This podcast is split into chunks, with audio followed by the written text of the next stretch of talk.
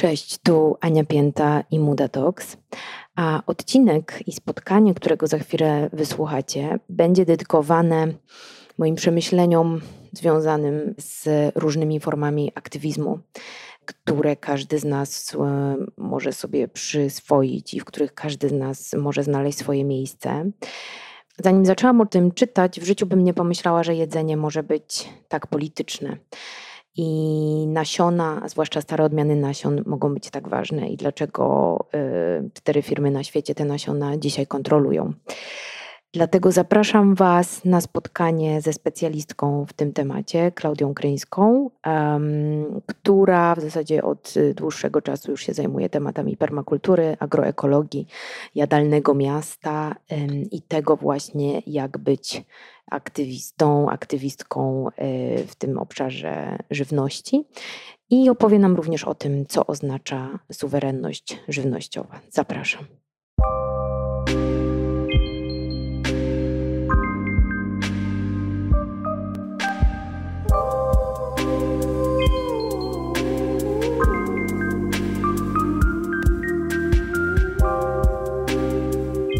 Moją gościnią jest Klaudia Kryńska. Cześć Klaudia. Cześć. Klaudia jest absolwentką socjologii stosowanej i antropologii społecznej na Uniwersytecie Warszawskim. Jest miejską ogrodniczką. E, od sześciu lat jest związana ze wspólnym ogrodem przy Służewskim Domu Kultury. I jest także członkinią Fundacji AgroPermaLab, edukatorką i aktywistką działającą na rzecz suwerenności żywnościowej. Dobra, Klaudia, to zaczynamy jeszcze raz po naszym tutaj interlokutorze. Tak. Czym jest ta suwerenność żywnościowa, żebyśmy to dobrze wytłumaczyli? E, suwerenność żywnościowa to jest e, taka idea, która, która opowiada o prawie e, ludności do decydowania o tym, co, co będą uprawiać i co będą jeść. Do decydowania o tym, jak powinna być użytkowana ziemia, jakie powinny być uprawy, do zachowywania dawnych odmian i do zachowywania takich odmian, które były na, na danym terenie już, które są już na danym terenie dobrze zaadaptowane do, do warunków klimatycznych panujących w, w jakimś regionie czy, e, czy kraju. Jest to też e, prawo e, ludzi zajmujących się ziemią, rolników, rolniczek do godziwego wynagrodzenia. No i właśnie do decydowania o, o własnej ziemi o tym, co się powinno z nią dziać, y, prawo do tego, żeby e, ta ziemia nie była im zabierana, żeby nie dochodziło do wylesiania, do przeznaczenia tej ziemi na przykład na uprawy monokulturowe, które są szkodliwe dla ekosystemu. Więc jest to ogólnie taka idea, która, która ma na celu przywrócenie ludności y, rodzimej prawa do decydowania właśnie o, o tym, co będzie, co będzie jadła i co będzie uprawiała. No dobra, to żebyśmy sobie tak narysowały taki mini słowniczek na sam mhm. początek, to to jeśli chodzi o suwerenność e, żywnościową. A czym w takim razie jest e, agroekologia? Agroekologia to jest, e, jak e, bardzo ładnie e, kiedyś napisała Asia Perzyna z Koalicji Żywa Ziemia, to, jest, to nie jest narzędzie, to jest skrzynka z narzędziami, która wpisuje się w, którymi ta suwerenność żywnościowa może być realizowana. Ponieważ agroekologia tak naprawdę łączy mm, różne dawne metody pracy z ziemią, uprawy ziemi, z, ze zdobyczami na przykład współczesnej nauki, celu jak, jak, najlepszego, y, jak najlepszej produkcji żywności, która jest y, dobra i dla planety, i dla środowiska, i dla e, ludzi, e, którzy, którzy te ziemię uprawiają i którzy później y, to, to pożywienie jedzą. Więc w ramach agroekologii mamy bardzo, bardzo różne podejścia, różne metody. Mamy wermikompostowanie, mamy agroleśnictwo, mamy tradycyjne rybołówstwo, ale wszystko to ma na celu utrzymanie takiej równowagi w ekosystemie, no i właśnie jak najlepsze gospodarowanie ziemią, tak żeby no, nie była to taka gospodarka rabunkowa, tylko żeby to było z poszanowaniem dla środowiska. A jak się ma w takim razie agroekologia do permakultury? Czy permakultura wchodzi w skład agroekologii, jest jednym z jej jakby postulatów? Czy... Myślę, że mogłabym to wyjaśnić trochę inaczej, dlatego że agroekologia to, tak jak powiedziałam, jest zbiór praktyk, które już istniały, które tak naprawdę są odziedziczone. Jest to taka wiedza, którą, którą mamy od pokoleń i jest ona połączona z, mm, ze współczesnym stanem, ze stanem współczesnej nauki. Natomiast permakultura to jest jednak y, bardziej, mm, i, i, może jeszcze wspomnę, że agroekologia ma taki dość mocny potencjał polityczny. To znaczy, zwłaszcza, zwłaszcza teraz, szczególnie w, w, na przykład w krajach afrykańskich, e, agroekologia y, zrzesza bardzo wielu rolników, rolniczki, ludzi, y, ludzi wsi. I rzeczywiście jest na przykład y, jednym z, z elementów y, FAO, jednym z, z, narzędzi, które FAO wskazuje jako, jako y, praktyki, które mogą służyć wyżywieniu ludzi przy jednoczesnym zachowywaniu zasobów naturalnych. Natomiast permakultura jest trochę innym ruchem, nie, nie ma takiej skali politycznej, systemowej. E, jest to bardziej gałąź projektowania, która czerpie e, wzorce i czerpie bardzo dużo z natury i ma na celu właśnie te, też projektowanie zrównoważonych siedlisk, ale przy wykorzystaniu e, troszeczkę innych metod. Takie mm, permakultura w ogóle jako pojęcie została wprowadzona e, w Australii w, na przełomie lat 70., 80. przez Billa Mollisona, który jest uważany za takiego ojca permakultury. Zresztą e, w Australii chyba do tej pory tak się wy, wysuwa na prowadzenie, jeżeli chodzi o, e, o tą dziedzinę, chociaż, chociaż permakultura znalazła zastosowanie w bardzo wielu, we wszystkich tak naprawdę krajach świata. No ale tam się zdecydowanie, tam jest gwiazdą i się zdecydowanie najlepiej rozwija i stamtąd się wywodzi. E, no i takie trzy najważniejsze e, zasady permakultury, które też są oczywiście e, wspólne dla agroekologii, to jest troska o ziemię, troska o ludzi i sprawiedliwy podział. Czyli ten sprawiedliwy podział czasami jest tłumaczony jako dzielenie się nadmiarem. Czyli jeżeli mamy jakieś nadwyżki, no to staramy się, żeby ich redystrybucja była sprawiedliwa. No ale te trzy zasady nam dobrze pokazują, że nie chodzi tylko o uprawę ziemi, tylko o tworzenie siedlisk, gospodarstw, ogrodów, ale też tworzenie społeczności. I myślę, że fajnie y, permakulturę można zrozumieć, kiedy się pomyśli o połączeniach, bo współczesny y, świat i, i współczesny system żywnościowy to są takie bardzo odseparowane od siebie segmenty. Po prostu y, nawet na linii konsument-producent nie jesteśmy w stanie prześledzić często drogi Y, jaką dany produkt y, mm, przebył, zanim trafił na nasz talerz. Nie mamy żadnego kontaktu z osobami, które wytwarzają naszą żywność. A właśnie w permakulturze chodzi o to, żeby tych powiązań było jak najwięcej, żeby powiązań między konkretnymi elementami ekosystemu było jak najwięcej, czyli między na przykład ludźmi zamieszkującymi dane siedlisko, zwierzętami, które e, są tam hodowane, roślinnością, która tam występuje, żeby to wszystko dobrze na siebie wpływało, żeby miało jak najlepsze na siebie oddziaływanie. I to jest taka skala mikro, ale też w takiej skali makro chodzi o to, żeby, żeby e, wszystko tak naprawdę było połączone, żeby nie było takiej alienacji w tym ekosystemie, żeby, żeby na przykład ludzie wiedzieli skąd pochodzi ich jedzenie, kto je wytworzył i żeby też dzięki temu mieli po prostu no, większy szacunek, większy związek z tym. Wiesz, to jak o tym opowiadasz, to ja się rozmarzyłam wręcz, bo to brzmi jak, wiesz, taki po prostu idealny świat, w którym rzeczywiście wiemy skąd nasze jedzenie pochodzi, kto je dla nas wyhodował, e, ile to zużyło w ogóle zasobów, na przykład, ile dostał za to pieniędzy. No bardzo to jest piękna idea i jeszcze się sprawiedliwie dzielimy w tym. No, no super. Bardzo to jest piękna idea, ale brzmi trochę jak z komuny hipisów tam sprzed, wiesz, 50 lat. I teraz sobie myślę, jak to wszystko, o czym ty mówisz, e, to jest absolutnie, e, myślę, że niezbędne, żebyśmy mogli jeść w ogóle w przyszłości jedzenie i być jakoś tam z nim związani i mieć do niego łatwy dostęp. Mhm. Natomiast jak to dzisiaj przełożyć na, na, na aktualny stan, jaki mhm. mamy, y, jeśli, chodzi o, jeśli chodzi o żarcie po prostu wszędzie na świecie, czyli Monsanto, opryski, y, supermarkety, mhm. w których tak naprawdę w ogóle nie wiadomo skąd, jaką, jaką drogę dana żywność tak. przebyła. Nawet często nie wiesz, czy to, co jest napisane na pudełku gdzieś tam na tych pomidorkach, że być może z Polski, a być może jednak z Iranu, a być może jeszcze tak. skądś tam. Dodatkowo oczywiście y, wchodzi dużo różnych jakichś fajnych żywieniowych rzeczy, jakichś nowych substytutów mięsa i tak dalej. Gdzieś ta technologia idzie w ogóle też bardzo do przodu z różnymi rzeczami. Ale jak to się w ogóle wszystko, te idee właśnie do naszego współczesnego świata mają, nie? Jak to się ma na przykład do Zielonego Ładu i do y, programu Od Pola do Stołu.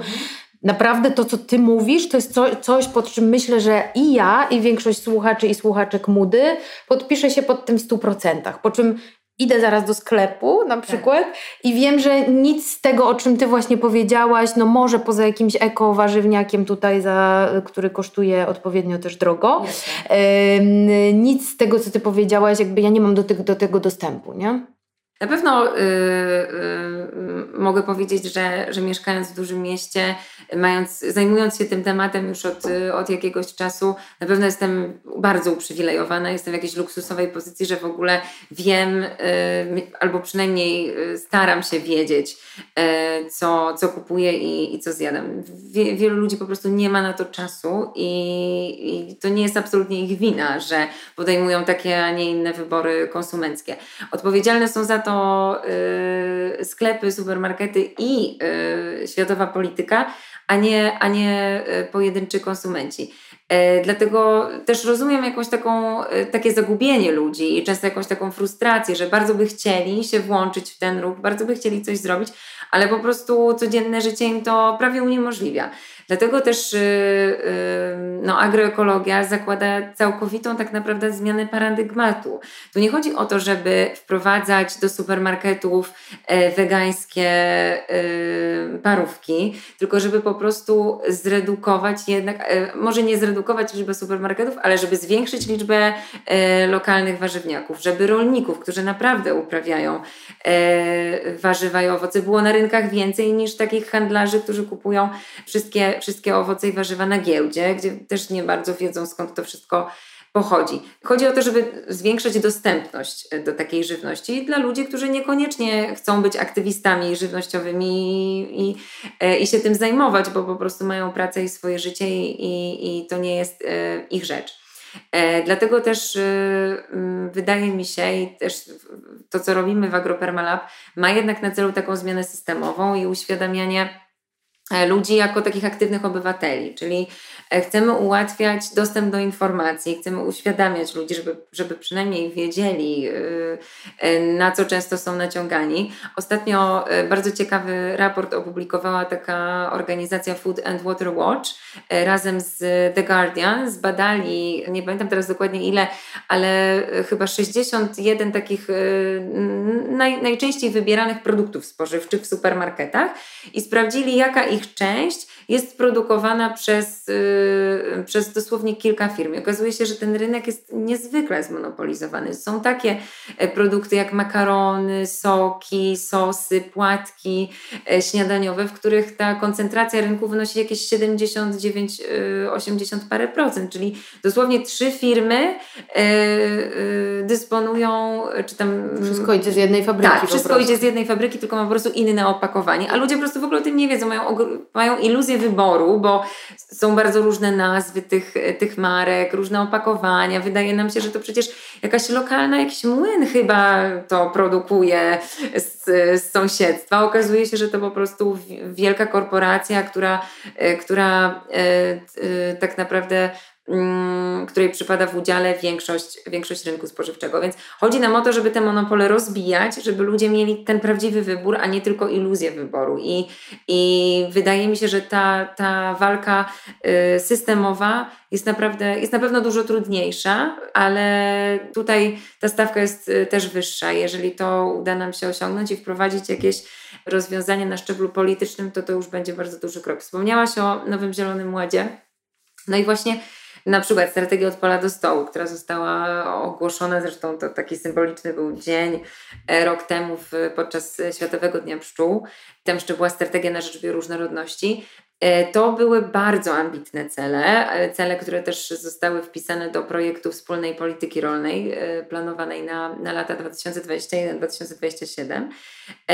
I rzeczywiście były duże nadzieje na to, że, że coś się zmieni, że te regulacje będą naprawdę radykalne i że rolnictwo ekologiczne będzie bardzo wspierane. E, że zmniejszy się o połowę zużycie pestycydów, użycie y, antybiotyków i środków przeciwdrobnoustrojowych w chowie zwierząt, e, że zwiększy się właśnie o 25% areał e, gospodarstw ekologicznych. Niestety to się bardzo mocno rozmyło. Były jak, takie... jak mocno to się rozmyło? Bo dla mnie na przykład cel pod tytułem mamy 9 lat na ograniczenie oprysków o 50% to jest mało ambitny cel, a ty mi mówisz, że nawet tego celu nie udało Niestety. się. Niestety i w duży wkład miała taka organizacja e, europejska e, Kopa Korzeka, która skupia rolników i bardzo mocno na przykład lobbowała za tym, żeby utrzymać e, rzeczywiście procent tego areału gospodarstw ekologicznych, ale żeby zamienić ekologiczny na zrównoważony. A zrównoważony to już jest dużo to już jest mniej. Pojemne. Tak, to już jest bardzo pojemne i, i takie to są kompromisy. Więc na przykład dla y, osób, które się nie, do, nie, nie interesują tak na co dzień tym tematem, tylko trafiają do nich jakieś tam przekazy medialne, no to okej, okay, no rolnictwo zrównoważone to chyba jest coś naprawdę dobrego, idziemy w dobrą stronę, ale niestety te cele zostały mocno ograniczone i poszczególne państwa członkowskie miały na to duży wpływ. E, no i z tej ambitnej polityki rolnej zeszliśmy niestety do, do takiego poziomu, który na pewno nie zapewni nam tej neutralności klimatycznej, którą, którą Unia e, wpisała jako cel w Nowym Zielonym Ładzie, a przynajmniej no szanse na to mocno zmalały, ponieważ nie tylko rolnictwo, ale cała produkcja i dystrybucja żywności, no to jest rzeczywiście duży wkład, jeżeli chodzi o emisję y, na przykład dwutlenku węgla, no bo to samo rolnictwo to jest około 15-20%. Wiesz co, tym bardziej dla mnie jest to y, jakieś takie dotkliwe i, i, frustrujące, że wyszedł niedawno kolejny raport IPCC, który w ogóle nie daje nam specjalnie mm. nadziei i mówi, że do półtora stopnia to już jest w zasadzie przesądzone, e, a będzie więcej i tym bardziej dziwi mnie, że w związku z tym duże organizacje, czy duże, nawet nie organizacje, powołane do tego ciała y, mhm. legislacyjne, widzę, że po prostu to się cały czas nam w tym świecie rozjeżdża, nie? że ktoś sobie, my tutaj sobie postanowimy jakiś mały miejski ogródek wybudować i znowu na nas jest zepchnięta ta odpowiedzialność. Tak rządy, które w zasadzie istnieją, bo, bo, bo je wybraliśmy i funkcjonują z naszych podatków, jakby są pod, pod butem biznesu już Dokładnie. dzisiaj i z nim cały czas negocjują, a biznes się zgodzi na tyle, ile się zgodzi, no, na tyle, ile się w danym momencie opłaca. Świat się pali, a wszyscy mhm. jakoś tak, wiesz, wygodnie zrzucamy, zrzucamy tą, e, tą odpowiedzialność na, na kogoś dalej, niżej, od, gdzieś tam odległego, tak, mhm. odległe jakieś, jakieś instytucje, czy, czy ciała, czy cokolwiek. A wiesz, na koniec dnia po prostu siadasz i się zastanawiasz, dobra, to co ja jeszcze mogę zrobić? No to mhm. ja teraz pytam y, Klaudię, co ja jeszcze mogę zrobić w ramach właśnie czy suwerenności y, żywnościowej, czy, czy w ogóle idei agroekologii. Mhm czy po prostu wystarczy, że ja się dołączę do jakiegoś, e, jakiegoś, jakiejś innej organizacji i będę pomagała na przykład na Jazdowie, pewnie w innych mhm. miastach też coś takiego jest, uprawiać ten ogródek, czy mogę sama coś zrobić mhm. i teraz w pandemii mamy tak, że mnóstwo ludzi wyprowadziło się z miast, tak, nie? Tak. Tak. I to znowu ma swoje i dobre, i, i mhm. ciemne strony, bo nie każdy też wiesz, jakby to fajnie wygląda, idylla jest z daleka i na Instagramie, a potem jak tam jedziesz, no to trzeba też jakoś umieć się tam, um, umieć funkcjonować i się za, zakorzenić gdzieś tam. No ale ja jednak staram się w tym widzieć dużo, dużo jakiegoś takiego światła i dobra. Mhm. No i sobie myślę, no dobra, no to powiedzmy, że może to jest jakiś ruch, nie? Mhm. Ogródki działkowe też y, są w cenie bardzo aktualnie. Tak. Gdybym miała taką moc, to ja bym najchętniej każdemu dzisiaj przydzieliła ogródek działkowy, żebyśmy po prostu sobie tą ziemię uprawiali zaczęli widzieć sezonowość owoców i warzyw i mieć w ogóle kontakt z ziemią i widzieć, ile może kosztować w ogóle wyhodowanie zdrowego owoca czy warzywa. Nie? I tak. wtedy też trochę to przewartościowuje nasze myślenie o tym, czy, czy to jedzenie zdrowe jest rzeczywiście drogie, czy, mhm. czy, czy to jest właśnie ta cena, jaką dzisiaj trzeba za nie zapłacić. Oczywiście. Znaczy, to jest bardzo ciekawe pytanie, co my możemy zrobić, y, bo wydaje mi się, że bardzo dużo, tylko że nie, nie powinniśmy myśleć, że my musimy podejmować tą, te wszystkie działania na własną rękę, bo suwerenni żywnościowo nie oznacza samowystarczalni żywnościowo. Wiola Olejarczyk, która należy do, do sieci suwerenności żywnościowej Nieleni, Agropermalab jest częścią, bo Nieleni to jest taka bardziej organizacja parasolowa, do której tak naprawdę każdy może należeć, komu, komu e, nie są obojętne sprawy e, żywności. Ona zawsze powtarza, ona jest rolnikiem, i ona mówi, ja nie chcę być samowystarczalna, ja chcę być w tej całej sieci powiązań. To nie jest tak, że ja muszę sobie i koszulę zrobić i chleb upiec. Nie, ja na przykład będę robić, będę uprawiać pomidory, krzyce, warzywa, ale wezmę od sąsiada coś innego, od tamtej sąsiadki coś jeszcze. Chodzi o to, żeby tworzyć jednak te sieci, bo i o tym jest na przykład permakultura. Y, nie chodzi o to, żebyśmy my się zamykali w jakichś ekobunkrach, wyjeżdżali na wieś i tam po prostu w oderwaniu zupełnie od społeczności lokalnej y, budowali swój, swój mini ekoschrony. Absolutnie nie. Chodzi Chodzi o to, żeby właśnie odtwarzać te wszystkie połączenia, których obecny system no, zupełnie, który obecny system zerwał. Więc y, jasne, fajnie jest uprawiać sobie pomidory na balkonie i jak najbardziej świetnie jest to robić. Zresztą rzeczywiście, tak jak powiedziałaś, pandemia tutaj miała duży bardzo wkład, bo rozmawiałam z, z Benem Gabelem, który jest y, założycielem y, takiej kooperatywy nasiennej Real Seeds y, Cooperative i on mówił, że w ogóle w, w tamtym roku to zapas nasion, który zwykle im wystarczał do lipca, wyprzedali w, w maju, po prostu już mogli zamykać, zamykać interes. Takie było ogromne zainteresowanie, bo ludzie zakładali sobie te swoje własne uprawy, gdzie tylko się dało. Więc jasne, to jest super, ale bardziej chodzi o to, żeby się łączyć, żeby się jednoczyć. Tak w walce politycznej, czyli dołączając na przykład do jakiejś organizacji, e, śledząc działania, wspierając finansowo, na przykład takie organizacje jak Koalicja Żywa Ziemia na gruncie polskim, czy La Via Campesina, która się zajmuje e, właśnie prawami, prawami chłopów i walczy o, o prawo do ziemi. Więc jak najbardziej to jest e, bardzo ważne, żeby, żeby te, te organizacje wspierać i żeby im pomagać, ale też no, trzeba się po prostu łączyć w tych działaniach takich y, ekologicznych na mniejszą skalę, ale jednak próbować działać razem, czyli, czyli zachęcać też innych ludzi do tego, a nie, e, a nie budować sobie, tak jak powiedziałam, takie schrony, które no, potem się fotografuje i wrzuca na Instagramie jakieś takie sielskie, idyliczne życie, bo życie w pojedynkę na wsi jest prawie niemożliwe. Po prostu ludzie wsi to wiedzą, a ludzie, którzy wyjeżdżają, ludziom, którzy wyjeżdżają z miasta się wydaje, że po prostu będą tam zupełnie samowystarczalni. Nie o to, nie o to chodzi. Chodzi o to, żeby właśnie stworzyć y, te połączenia. Na przykład ogrody społecznościowe są takimi miejscami, w którym ludzie współpracują, uczą się. To jest właśnie świetny taki na małą skalę pomysł, który pokazuje ludziom, jak to można robić razem, że jednak warto się łączyć. Powiedziałaś, że dużo ludzi wyjechało, wyjechało na wieś rzeczywiście, ale no jednak taki mega trend y, jest odwrotny. Więcej ludzi teraz będzie mieszkać w miastach i musimy się też nauczyć na przykład uprawiać żywność w mieście.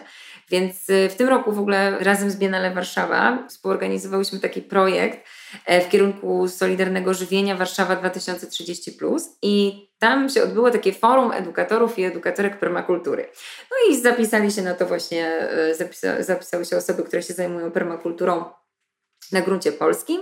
E, ale też e, zaprosiłyśmy takich, no, tak, takiej guru gwiazdy permakultury światowej i jedną z prelegentek była Rosemary Morrow, która Australijka, która pracuje z uchodźcami, imigrantami i uczy ich permakultury. I ona ma niesamowite doświadczenie w uczeniu permakultury zupełnie innymi metodami niż do tej pory o nich myśleliśmy, bo ona nie uczy ludzi, którzy mają własne wielkie gospodarstwa, stawy, sady, tylko ludzi, którzy mają do dyspozycji bardzo niewielką przestrzeń, którzy często na przykład nie umieją czytać, więc y, wykorzystuje trochę inne metody. No i na przykład y, y, muszą sobie radzić z, z bardzo dużym zagęszczeniem ludzi na danym terenie, z upałem, z bardzo niesprzyjającymi warunkami pogodowymi. Ona na przykład tworzy taką nową definicję permakultury i, i, i tworzy nowe narzędzia, właśnie na, na potrzeby ludzi, na przykład w wielkich aglomeracjach, ludzi, którzy mieszkają blisko siebie, e, ale, ale właśnie ona uważa, że każdy z nas, zresztą Asia Bojczewska, która jest założycielką Agropermalab uważa, że każdy po prostu w przyszłości, żeby mieć dostęp do, do, do dobrej żywności, będzie musiał być takim trochę part-time ogrodnikiem i współpracować ze swoimi sąsiadami, żeby mieć dostęp do, do jedzenia, a nie na przykład mieszkać na tak zwanej pustyni żywnościowej, co się dzieje no, na przykład na dużą skalę w Stanach, mm. gdzie, gdzie są takie miejsca, gdzie po prostu ludzie nie mają w sklepach e, świeżych warzyw i owoców, tylko groszek w puszce mm. i, i, i fasolkę. Mollison, którego wspomniałaś, czyli ten ojciec permakultury z Australii, właśnie on mówił, z tego pamiętam jakiś wywiad z nim czytałam, że właśnie największa rewolucja jego zdaniem odbędzie się w żywności, że, że, ta, mhm. że, że ta, ty mówisz tu suwerenność żywnościowa, ale też w ogóle taka może niezależność w jakimś stopniu od jedzenia. Mhm. Ja trochę to widzę tak, że to będzie właśnie taką tą największą rewolucją, jeżeli to opanujemy, żeby do tego powrócić i nauczyć się mhm. na nowo tą żywność uprawiać. Miałam tutaj jakiś czas temu rozmowę Joan, z Joanną Jurgą, która mówiła w ogóle o, o, o potencjalnym blackoutie tak. i o tym, co będzie, jak, jak nam zabraknie prądu i że to jest w ogóle realny, realne zagrożenie rzeczywiście. Mhm. Nie? I czy, czy ty, czy, mm, czy właśnie ta suwerenność żywnościowa, trochę mam takie tendencyjne pytanie, ale w sensie pewnie je zamknę, bo potwierdzam tylko to, co chcę usłyszeć, ale bardziej, y, wiesz, y, rzucam wątek do mhm. rozwinięcia. Czy ta suwerenność żywnościowa też może być odpowiedzią z jednej strony no właśnie, na zmiany klimatu to na pewno, ale też na świecie mamy tyle żarcia, że wystarczy go dla wszystkich. Spokojnie 7-8 miliardów ludzi, które dzisiaj mamy, są do wyżywienia. Można im pokazać, jak lepiej to uprawiać, jak uprawiać na ziemiach, które są trudne do uprawy. Mhm. Wiadomo, że jak zwykle są korporacje i interesy, którym to nie jest na rękę i wmawiają nam, że tylko modyfikacja genetyczna i tylko Monsanto i tylko mhm. opryski mhm. i tylko glifosat i tak dalej uratuje nas przed głodem. Mhm. To wiemy, że już nie jest prawdą. Natomiast bardziej chodzi mi o to, czy w ogóle, a propos tego potencjalnego blackoutu, czy ta mhm. suwerenność e, żywnościowa to też jest właśnie taki e, potencjalny głód, czy jakiś, który mógłby się jednak wydarzyć, jeżeli właśnie w porę nie zatrzymamy tego, co dzisiaj nam się wmawia, że jest takie zajebiste, nie? Czyli tak. właśnie ta całkowita modyfikacja żywności w odpowiedzi na to modyfikowanie trzech tam ziaren, w odpowiedzi na to, że no właśnie, pod przykrywką ratowania, mhm. ratowania ludzi na świecie, gdzie i tak wiemy, że dzisiaj, nie wiem, dwa miliardy ludzi chodzi głodnych codziennie tak, spać, nie? Tak. Super pytanie i w ogóle fajnie, że to się tak, yy, że no padł, padło to już parę razy Monsanto, więc może rzeczywiście dobrze jest to wytłumaczyć na tym przykładzie, jak, jak ta suwerenność żywnościowa może przeciwdziałać yy, na przykład yy, galopującym cenom jedzenia, wzrostowi cen jedzenia, bo to na pewno obserwujemy i to widzę, że na przykład od dwóch, trzech lat się mocno przebija do świadomości ludzi, jeżeli chodzi o cenę owoców na przykład. To, to, to rzeczywiście zarezonowało i ludzie zaczęli widzieć te, te powiązania. E, no, myślę, że łatwo jest dosyć to wytłumaczyć na przykład na, e, na przykładzie nasion. E, rynek nasion jest teraz kontrolowany przez, cztery, przez cztery firmy. Tak naprawdę 60%, od 60 do 70% światowego rynku nasion to są cztery firmy. Organizacja Oxfam, która się zajmuje właśnie walką z, głodem na świecie, przedstawiła taki raport, z którego wynika, że, e, że, że mm, no ten rynek jest podzielony przy, pomiędzy takich graczy jak właśnie BASF, Cortiva, Syngenta i Bayer Monsanto, bo tam doszło do fuzji i te firmy się połączyły. Generalnie głównie chemia. Dokładnie. I właśnie to jest ciekawe, że e, ci gracze, którzy mają rynek nasion, mają też rynek pestycydów, e, herbicydów, fungicydów e, i tak dalej, ale też, e, co ciekawe, e, zaczynają wchodzić na rynek tak zwanego rolnictwa cyfrowego, czyli też e, przygotowują programy, które takie ogromne bazy danych, jak na przykład Microsoft i, i FarmBeats, które teoretycznie mają służyć do lepszego, bardziej precyzyjnego do, e, dozowania na przykład tych pestycydów, czy tam sprawdzenia wilgotności gleby, warunków pogodowych i informowania rolników na przykład kiedy powinni zrobić oprysk, tak żeby no, rolnicy nie nadużywali tych oprysków, żeby to było rzeczywiście lepiej wymierzone. I teoretycznie to ma sprzyjać odchodzeniu od y, nadużywania pestycydów, ale w praktyce to sprzyja na przykład rozwijaniu monokultur, ponieważ te rozwiązania są drogie. Stać się na to głównie rolników, którzy mają duży areał, a nie małe gospodarstwa rodzinne, a duże areały to są zazwyczaj już monokultury. To nie są y, zróżnicowane y, pod względem upraw gospodarstwa, to jest zazwyczaj jedna, jedna uprawa, jeden rodzaj.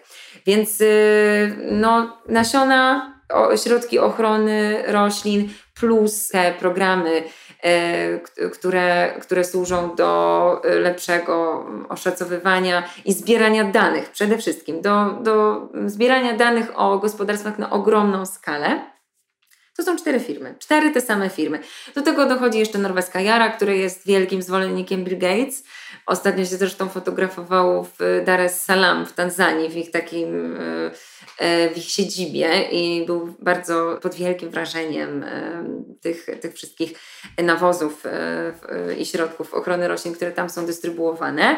Więc naprawdę ten rynek jest mega skoncentrowany. I teraz tak, jeżeli mamy do czynienia z tak dużą koncentracją rynku, to wiemy już z czym to się wiąże, znamy to z innych dziedzin gospodarki. To się wiąże z tym, że to oni dyktują warunki. Oni na przykład wprowadzają kolejne patenty na kolejne nasiona. E, patenty zwykle polegają na tym, że rolnicy, którzy kupują takie nasiona, już na przykład później nie mogą zebrać nasion ponownie z tej uprawy. Muszą co roku kupować nowe nasiona.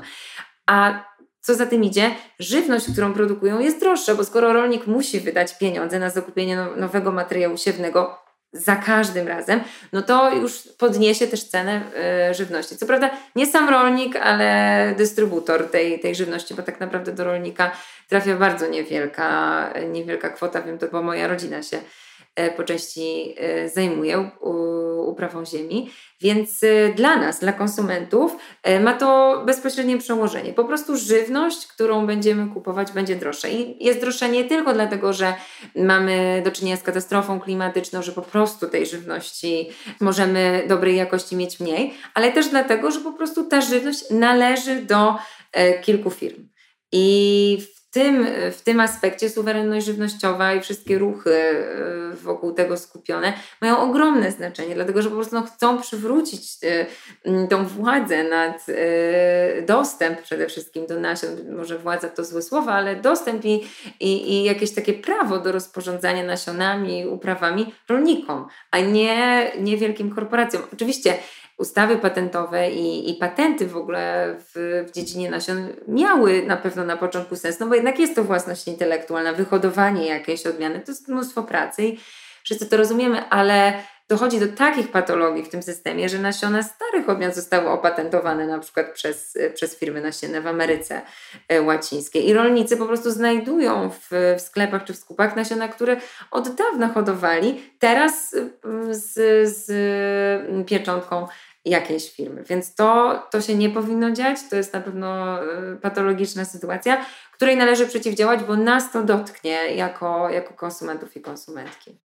O Boże, e, wiesz co, powiem Ci, że każdy kolejny odcinek e, Mudy, który nagrywam, ostatnio na przykład z Agnieszką Graf o patriarchacie, który był dla mnie jakimś takim olśnieniem, że jest jakieś takie zło, które wiesz, że tkwi, ale jak zaczynasz zdzierać te warstwy cebulki, to widzisz jak tak. bardzo to jest wszędzie i że ten aktywizm e, i, mm, i wiesz, i te takie nasze pojedyncze kroki typu torebka, butelka, coś tam, to są naprawdę tylko takie naklejki na dropsy, a tak naprawdę mm. niczego realnie nie zmieniają, bo ta, ta realna zmiana i też to realne zło leży zupełnie gdzieś indziej. I jak sobie myślę o właśnie blackout, brak prądu, no to ja chcę w tym, w tym, tym tematem się na przykład dzisiaj mhm. zająć i za, zastanowić się, y, co z tym zrobić.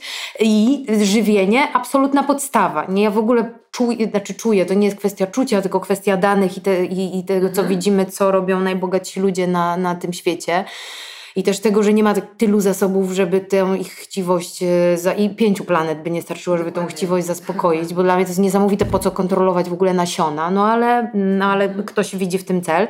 To samo będzie z wodą prawdopodobnie już mamy przykłady takiej hydrokolonizacji i widać, że już sobie y, bogaci ludzie, którzy widzą w tym interes się zabezpieczają na przyszłość, jak nam tą wodę kiedyś dużo drożej po prostu sprzedawać i reglamentować może mhm. nawet. Ty mi mówisz o tych nasionach, ale powiedzmy jeszcze, Klaudia, w ogóle o co chodzi z tymi starymi odmianami. Ja się mhm. kiedyś z tym spotkałam, e, jak sobie rozmawialiśmy wcześniej właśnie na Bali e, i tam po prostu była jedna taka wspaniała postać, taka starsza kobieta, która po prostu ciągle nosiła ze sobą w kieszeni różne dzikie, stare odmiany nasion i gdzieś tam je wysiewała po kryjomu, to nazywa takie guerrilla seeds czy coś takiego. Partyzantka dokładnie, nasienna i ja po prostu myślałam, że ona jest jakąś wariatką, mhm. że co, o co tu w ogóle chodzi, że te stare odmiany są takie ważne i że to jest jej rodzaj aktywizmu, która na całe życie uprawia i mówi, że w Australii jak wraca do domu, to to rozsiewa gdzieś przy przedszkolach, na przykład stare y, nasiona bananowców, czy właśnie mhm. zbiera z bananów, które już w Polsce takich nie zjemy, z takimi czarnymi kuleczkami w środku. To są właśnie nasiona, które ona potem sobie zasusza i tak. wysiewa, czy papaje. Ja na przykład tam papaję suszyłam i gdzieś tam sobie ją posadziłam, ale generalnie jakby o co chodzi z tymi starymi nasionami i dlaczego to jest takie ważne? Ważne jest dlatego, że że, że nasiona starych odmian po prostu przez to, że są stare, to są bardzo dobrze zaadaptowane przez lata do, do danych warunków klimatycznych, glebowych. No, nasiono to jest po prostu taka informacja, prawda, o, o tym, kiedy wykiełkować i jak się właśnie przystosować do, do danych warunków. To też poza wszystkim jest po prostu nasze bogactwo kulturowe, nasze dziedzictwo i nasza tradycja, nasza historia, coś dla nas rodzimego, naturalnego, związanego z, z naszą ziemią. E, I też te nasiona są na przykład bardziej odporne na choroby, na szkodniki. E, zresztą e, sama dywersyfikacja upraw już zabezpiecza nas i, i stanowi o naszym bezpieczeństwie żywnościowym, no bo jeżeli na przykład mamy do czynienia z jakąś monokulturą, zwłaszcza z odmianą, która jest mm, no, względnie nowa, mało odporna na, na szkodniki, ale za to niezwykle efektywna i świetna w transporcie, bo to jest teraz główny główny czynnik, na jaki się zwraca uwagę przy uprawie, no to jeżeli mamy inwazję jakiegoś szkodnika, no to my mamy koniec yy, Koniec uprawy. Tak, to tak przykład kornika, jak Dokładnie. trzeba wyciąć, bo coś tam, ale nikt nie mówi, że posadzono monokultury, Dokładnie. w związku z czym zaatakowało wszystko. Jasne, to świetny, świetny przykład. E, więc y, te, te stare odmiany są na to dużo bardziej odporne e, i dużo lepiej sobie po prostu z tym radzą. E, no i też y, y, mają naprawdę przede wszystkim też w ogóle walory smakowe niesamowite. My jesteśmy zupełnie odcięci, ale jak się porozmawia nawet z babciami, z dziadkami, jak oni wspominają smak jedzenia, jak, jak to jedzenie zupełnie naprawdę inaczej smakowało, jaki miało kolor, jak miało barwę. Dłużej się na nie czekało na pewno i nie było absolutnie tak, że można sobie było jeść pomidory cały rok, ale też jak już się pojawiały, to były niezwykle intensywne i, i niezwykle smaczne i też, yy, i też niezwykle odżywcze.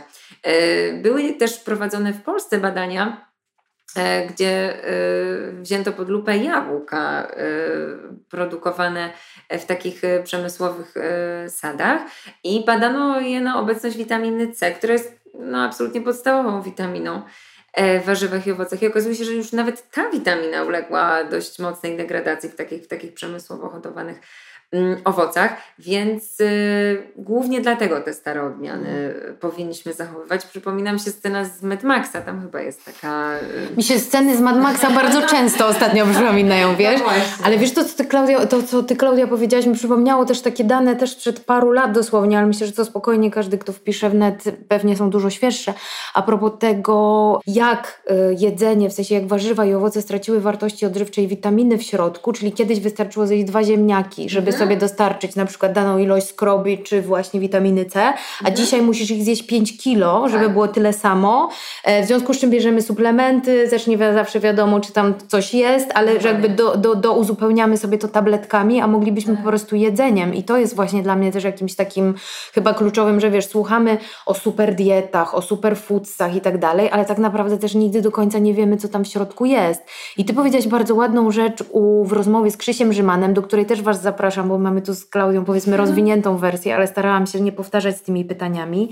I z Krzysiem w Zielonym Podcaście właśnie mówiłaś o tym... E, o tym tekście, który napisała Nina i Kuba Rok. E, tak. I to mi za bardzo tak zaczepiło się w głowie, że jakby jest moda na e, fajne jedzenie, e, trochę jak z modą na modę, czyli, bo ja jestem z tych ciuchów niestety, mhm. że wiesz, że chcemy mieć eko ubranka i z eko bawełny i fair trade i w ogóle, ale generalnie, bo jest taka moda, więc sobie tam zamienimy, ale to zdrowe jedzenie, to dobre jedzenie to jest mnóstwo innych czynników, które się na nie składa, nie? Że tak. jakby fajnie, że właśnie znowu wracam do wege mięska, czy jakichś tam dziwnych serków i tak mhm. dalej, ale że to w ogóle nie o to chodzi, że, mhm. że to nie jest to ta zdrowa żywność, nie? Tak, że... tak.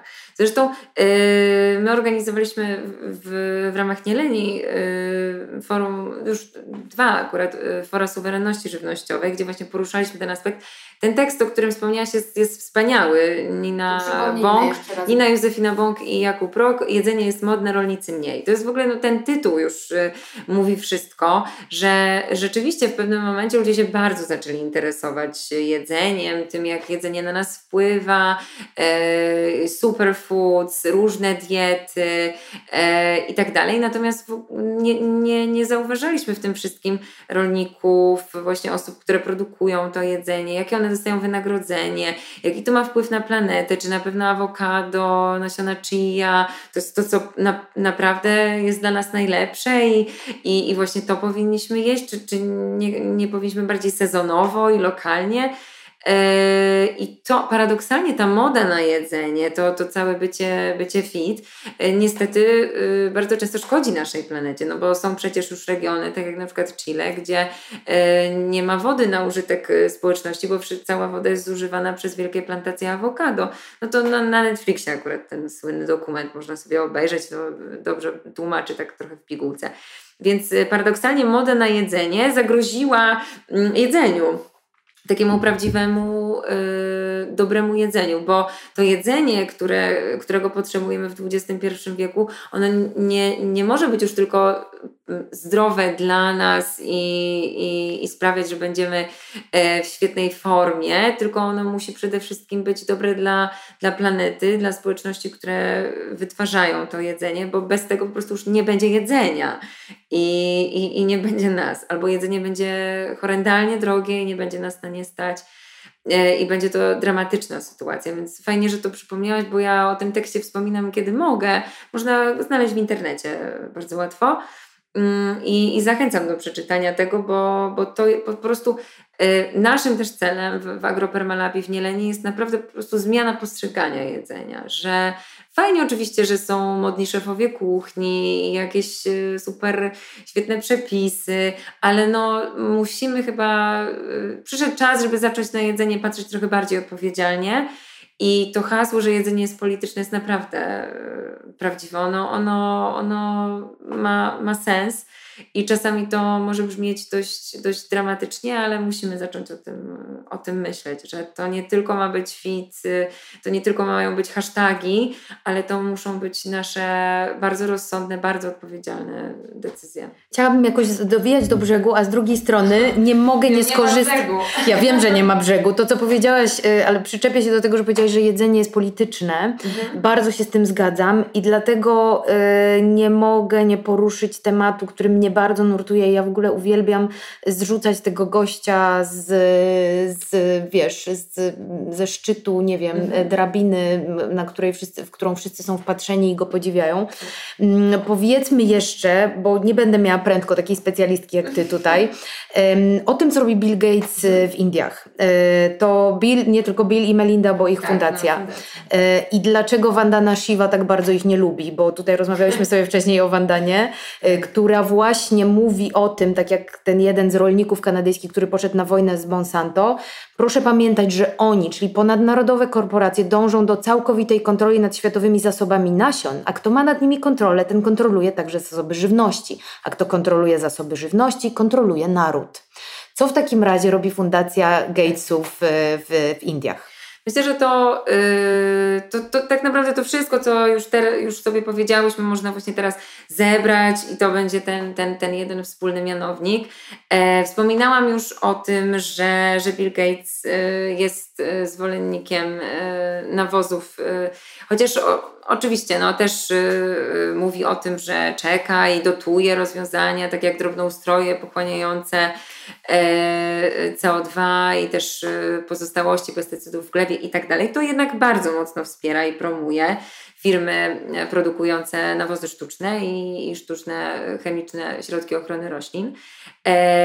To, co zarzuca mu Vandana Shiva, E, o której powiedziałaś, no to, to jest właśnie to, o czym już mówiłam, czyli kontrola nad, nad zasobami genowymi, nad zasobami nasiennymi, bardzo mocne rozwijanie nowych odmian GMO i nasion F1, tak zwanych hybrydowych, które nie powtarzają cech metecznych w kolejnym roku, czyli nie można nigdy już z nich zebrać e, nasion, żeby, żeby wysiać je ponownie.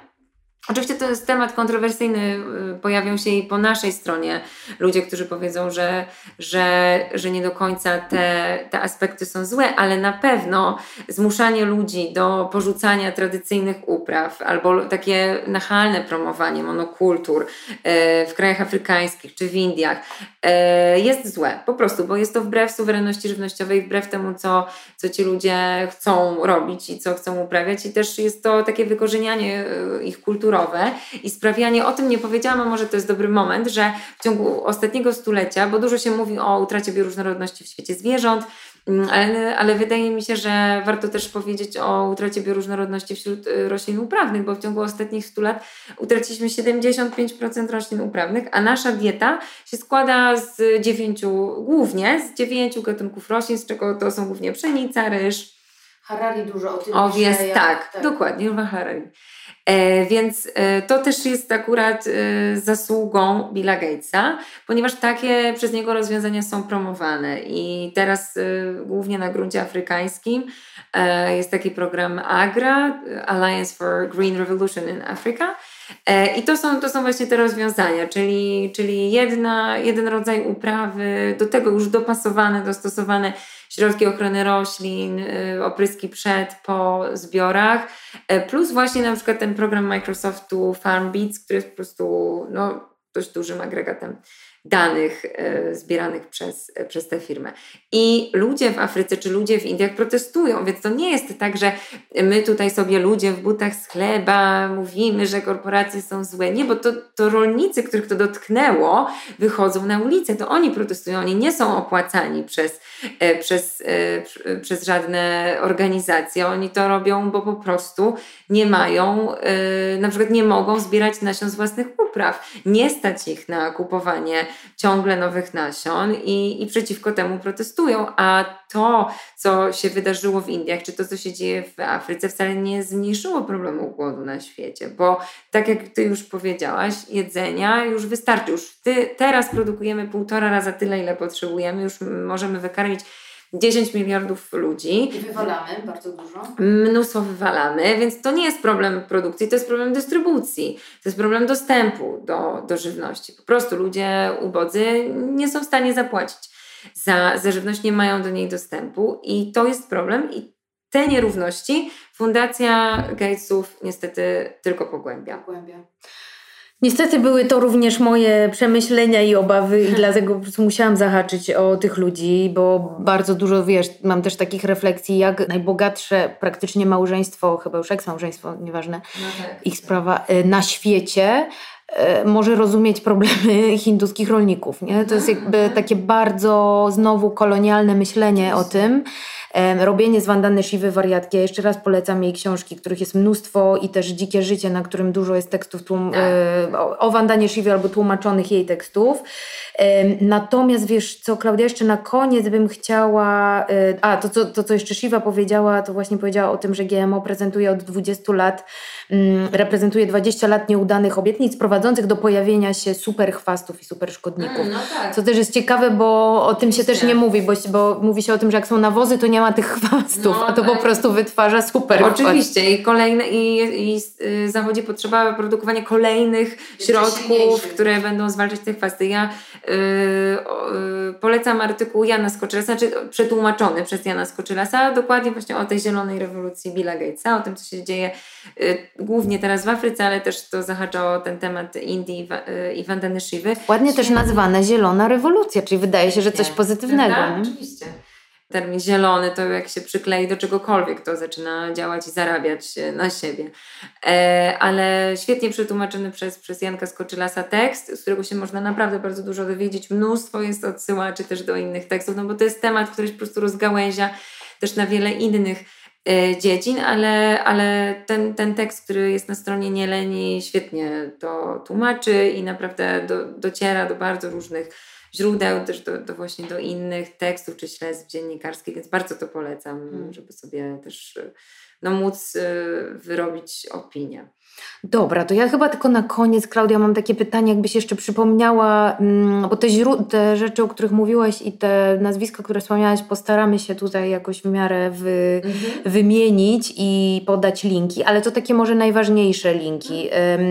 Jeżeli chodzi o mm, agroekologię, agropermalab.org. Tak, tak, tak. E, nie Leni też wspomniałaś. Tak, nie Leni. Mhm. Koalicja Żywa Ziemia, to bardzo polecam, jeżeli chodzi o taką walkę polityczną, to jest niesamowita, y, niesamowite zaangażowanie Justyny Zwolińskiej, Agnieszki Makowskiej, Anny Perzyny, właśnie Janka Skoczylasa, Kuby Łyszkowskiego, no nie wymienię tu wszystkich, ale no to są osoby, które naprawdę y, poświęcają całe swoje życie, żeby, żeby wynosić te postulaty i te idee na szczebel systemowy, spotykają się z przedstawicielami rządu, piszą petycje, które też można, można podpisywać, więc bar, bardzo warto ich y, śledzić i wspierać y, ich działania. To wymienimy to wszystko. A jeżeli ktoś by chciał dołączyć do jakiegoś społecznego ogrodu, na przykład w mhm. Warszawie, no bo pewnie w każdym dużo większym mieście już można podobne tak, rzeczy znaleźć. Tak, jasne. E, to w Warszawie zachęcam do odwiedzenia strony Bujna Warszawa. Tam jest mapa wszystkich ogrodów społecznych. No, no, nie wszystkich, bo ogrody społecznościowe mają to do siebie, że też po prostu powstają spontanicznie i nie, nie jesteśmy też w stanie wszystkich naraz umieścić na mapie, ale większości na pewno ogrodów. I można sobie zobaczyć, e, w której dzielnicy jaki ogród, e, tak żeby mieć jak najbliżej po sąsiedzku. E, ale no, taki flagowy, wiadomo, Motyka i Słońce, czy też wspólny ogród założony przez Paulinę Jeziorek, a teraz prowadzony przez dziewczyny z Fundacji Altereko przy Służewskim Domu Kultury, ogród na Bemowie, no jest, jest ich naprawdę bardzo dużo, więc na pewno w, w sąsiedztwie każdy, każdy znajdzie coś dla siebie, ale Kraków, Wrocław, Gdańsk, już naprawdę wszystkie większe miasta i też nie tylko większe miasta, mniejsze też mają takie, mają takie ogrody, działki wspólne, program naprzód działki, który działa w Warszawie, też polecam bardzo, yy, który działa tak na rzecz otwierania działek dla mieszkańców, żeby działki się też stały takim miejscem yy, wspólnych spotkań, uprawy. My wymieniamy warszawskie rzeczy, ale absolutnie myślę, że bardzo podobne y, lustrzane odbicia, tak. czy siostry i braci można znaleźć w całej Polsce, tak. więc sobie po prostu szukajcie, bo pewnie są tam kolejne linki i odniesienia. Też jest strona Permakulturalnie Polska, to tam polecam, bo to jest już dla, dla, dla całej Polski, żeby nie być takim warszawocentrycznym. E, to tam już są też gospodarstwa wiejskie z bardzo, bardzo różnych e, regionów Polski. Na Facebooku można się tam dodać. Super. I Klaudia, ja Ci bardzo dziękuję i jeżeli ktoś jeszcze nie znalazł swojej formy aktywizmu, to zachęcam, żeby to było właśnie w kierunku jedzenia, nasion, y, upraw, agroekologii, wszystkiego, co nam wspólnie tą suwerenność żywnościową y, będzie w stanie zapewnić. Dziękuję Ci bardzo. Super, bardzo dziękuję za zaproszenie. Dzięki.